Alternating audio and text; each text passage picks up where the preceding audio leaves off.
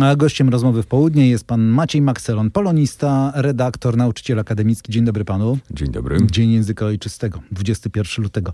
Pewnie będzie mnóstwo informacji o błędach językowych. Całe raporty się pojawią pewnie na ten temat. Pana takie raporty denerwują? Denerwują mnie z kilku względów. To znaczy te, które się pojawiają, po pierwsze, no, ich wartość naukowa jest podobna do wartości naukowej wypowiedzi y, pana Jerzego Zięby na przykład. Jest to, sięgnąłbym tutaj po przepiękne staropolskie słowo bullshit po prostu. po drugie, one przez lata, bo w tym roku widać tam jakąś drobną refleksję, ale przez lata robiły dużo, dużo złego. A to dlaczego? Znaczy, no, nie chodzi tylko o to, że sprowadzana kultura języka jest do poziomu prostej błędologii, ale również o to, że tam na przykład y, były klasyfikowane jako błędy w formy, które błędami nie są. Na przykład? Czyli na przykład formy regionalne. E, I ubrać kurtkę. To jest forma regionalna. E, I wyjść na pole? Wyjść na pole również można, jeżeli jest się w Krakowie, prawda? E, I to jest e, szkodzenie językowi. Co więcej, to jest występowanie przeciwko e, ustawie o języku polskim, gdzie możemy przeczytać, że ochrona języka polskiego polega w szczególności na e, dbaniu również o jego regionalne odmiany. A czy my dobrze chronimy język polski w ogóle, Pana zdaniem? To znaczy, właśnie ja mam wrażenie, że my w tym momencie ym, trochę się chcemy zachowywać jak superbohaterowie, superbohaterki. Jak Thor, jak Torzyce.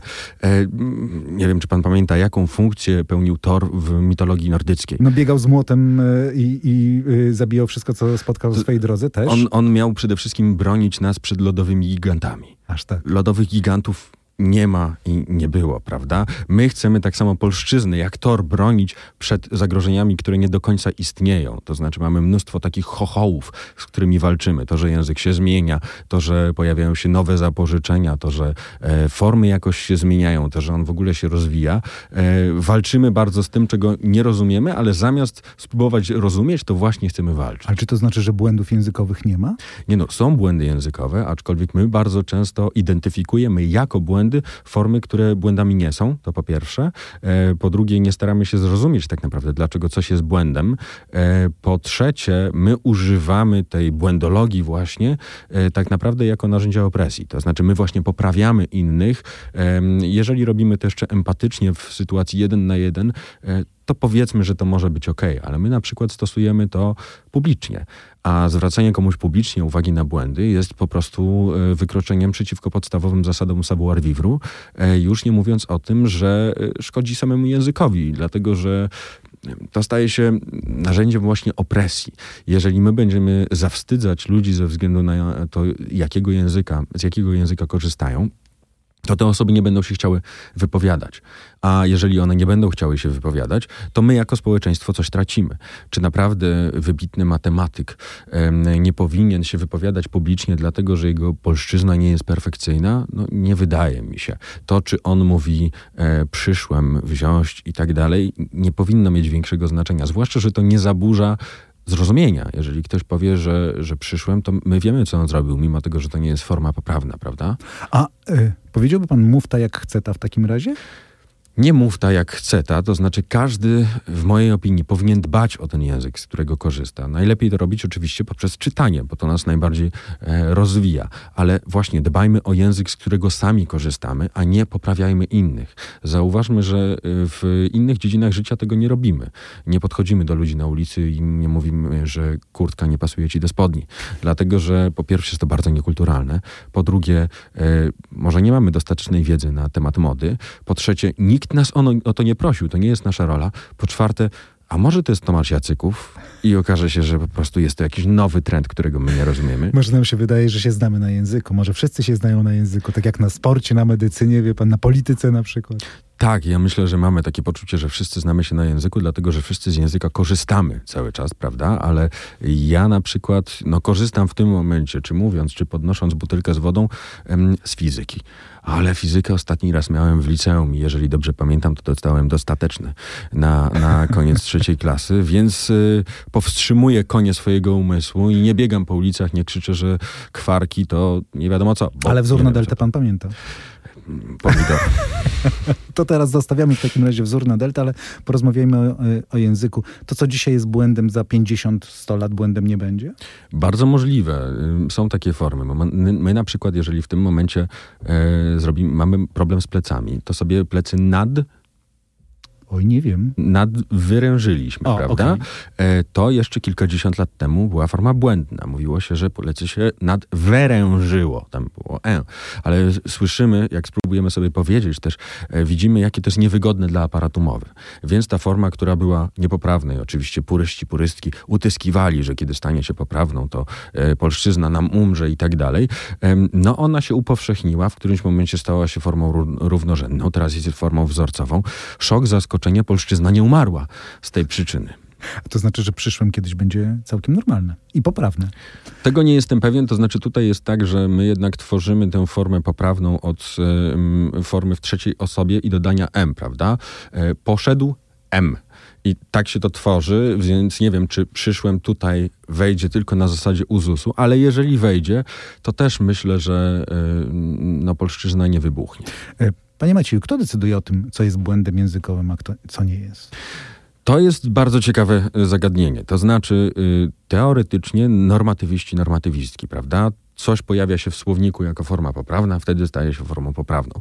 Ale musimy pamiętać, że słowniki zawsze są spóźnione względem e, rzeczywistości o dobre kilka, kilkanaście, nawet kilkadziesiąt lat, bo przecież nie jest tak, że panowie w ośmiu sobie siedzą w PWN-ie i wymyślają nowe słowa, prawda? Słowa powstają w... em, ludzie korzystają ze słów i w ten sposób one trafiają do słownika. Ale też ten, ta poprawność, ona jest bardzo miękka, powiedziałbym. To znaczy, y, y, jeżeli coś się upowszechnia, to staje się poprawne. Poza wszystkim e, mamy różne normy językowe. My na przykład nie możemy przykładać normy wysokiej, normy literackiej do komunikacji w internecie, która jest bardziej nieformalna. E, Co więcej, no my na przykład e, padło pytanie, co jest błędem. Jeżeli my na przykład dokonujemy jakiejś innowacji językowej e, z pełną tego świadomością, to to nie jest błąd. Jeżeli mówimy, piszemy w internecie gunwo na przykład, e, to nie jest błąd. Mimo tego, że tam jest U otwarte zamiast U zamkniętego i jest przestawka, e, absolutnie nie jest to błąd, dlatego, że to jest świadoma in, innowacja językowa. E, Jeżeli napiszemy nóż przez U otwarte, prawda, żeby był w brzuchu, jak u futurystów, to też nie jest błąd. Więc to są bardzo, y, bardzo miękkie kategorie tak naprawdę. To znaczy w ogóle kwestia poprawności językowej to jest skala odcieni szarości. A pana zdaniem ten język teraz zmienia się szybciej niż powiedzmy jeszcze kilkanaście lat temu i będzie się zmieniał coraz szybciej? On musi zmieniać się szybciej po przełomie cyfrowym, dlatego że e, no, wszystko zaczęło się szybciej zmieniać. Poza wszystkim utworzyło się bardzo dużo e, takich neoplemion e, internetowych, które mm, funkcjonują w obrębie różnych rejestrów językowych. Ten język się bardziej rozgałęzia. Kiedyś był taki linearny. W tym momencie każdy komunikat w internecie może być intertekstem, odwoływać się do mema, do e, viralowego filmiku i tak dalej. W związku z czym tam na przykład używa się e, form niepoprawnych, które gdzieś kiedyś raz padły i się upowszechniły jako właśnie takie e, e, punkty odniesienia. Więc tak, ten język musi się zmieniać szybciej, no ale on zmienia się szybciej, dlatego że odpowiada na potrzeby ciągle zmieniającej się rzeczywistości. Jeżeli język nie będzie odpowiadał na potrzeby ciągle zmieniającej się rzeczywistości, to wtedy jest szansa, że nam umrze. A czy uważa pan, że my wystarczająco dobrze chronimy to, co jest pewnym sensie naszym też językowym bogactwem? Różnorodność języków, różnorodność gwar. Rozmawialiśmy przed wejściem na antenę chociażby o języku śląskim. Myślę, że nie. Tutaj mogę powiedzieć dwie rzeczy. Pierwsza to jest właściwie taka anegdotka z mojej młodości, to znaczy Jorzech Jesynek ze Śląska e, i u mnie w domu się nie godoło, u mnie się e, mówiło, ale mój fater i moja omo, oma godoli. Ja po śląsku y, rozumiem, ale nie, nie mówię. W szkole jednak, w szkole podstawowej miałem kilka osób, które po śląsku mówiły, które godoły. I one na lekcjach były zawstydzane z tego powodu. Tak, tak to możesz sobie mówić w domu. To jest, to jest wstyd. Tutaj jest polska szkoła, tu się mówi po polsku. Co było straszne, oczywiście dzieciaki, możliwe, że również ja, podchwytywały to, prawda? I, i y, również się z tego naśmiewały. A potem, kiedy kończyłem tę podstawówkę, to zaczęła pojawiać się moda na tworzenie konkursów języka śląskiego. Szok, zaskoczenie. Te dzieciaki nie chciały brać udziału w tych konkursach, dlatego że no, kto chciałby brać udział w konkursach wstydu? E, W, tym momencie na szczęście mm, myślę, że też te mm, polszczyzny regionalne są bardziej pielęgnowane, ale też na przykład przez te wszystkie em, raporty o błędach, gdzie możemy znaleźć, czy mogliśmy znaleźć regionalizmy przez naśmiewanie się z tego na pole, z pięknego białostockiego podoba się to dla mnie, e, z omkania, mówią, widzą, prawda, co jest charakterystyczne dla okolic Poznania. No, w ten sposób rugujemy piękne bogactwo e, polszczyzny, która to polszczyzna składa się również z polszczyzn regionalnych. I o tym wszystkim przypominamy w Dniu Języka Ojczystego. Maciej Makselon, polonista, redaktor, nauczyciel akademicki, był gościem Radia RMF24. Bardzo panu dziękuję. Dziękuję serdecznie. Do usłyszenia.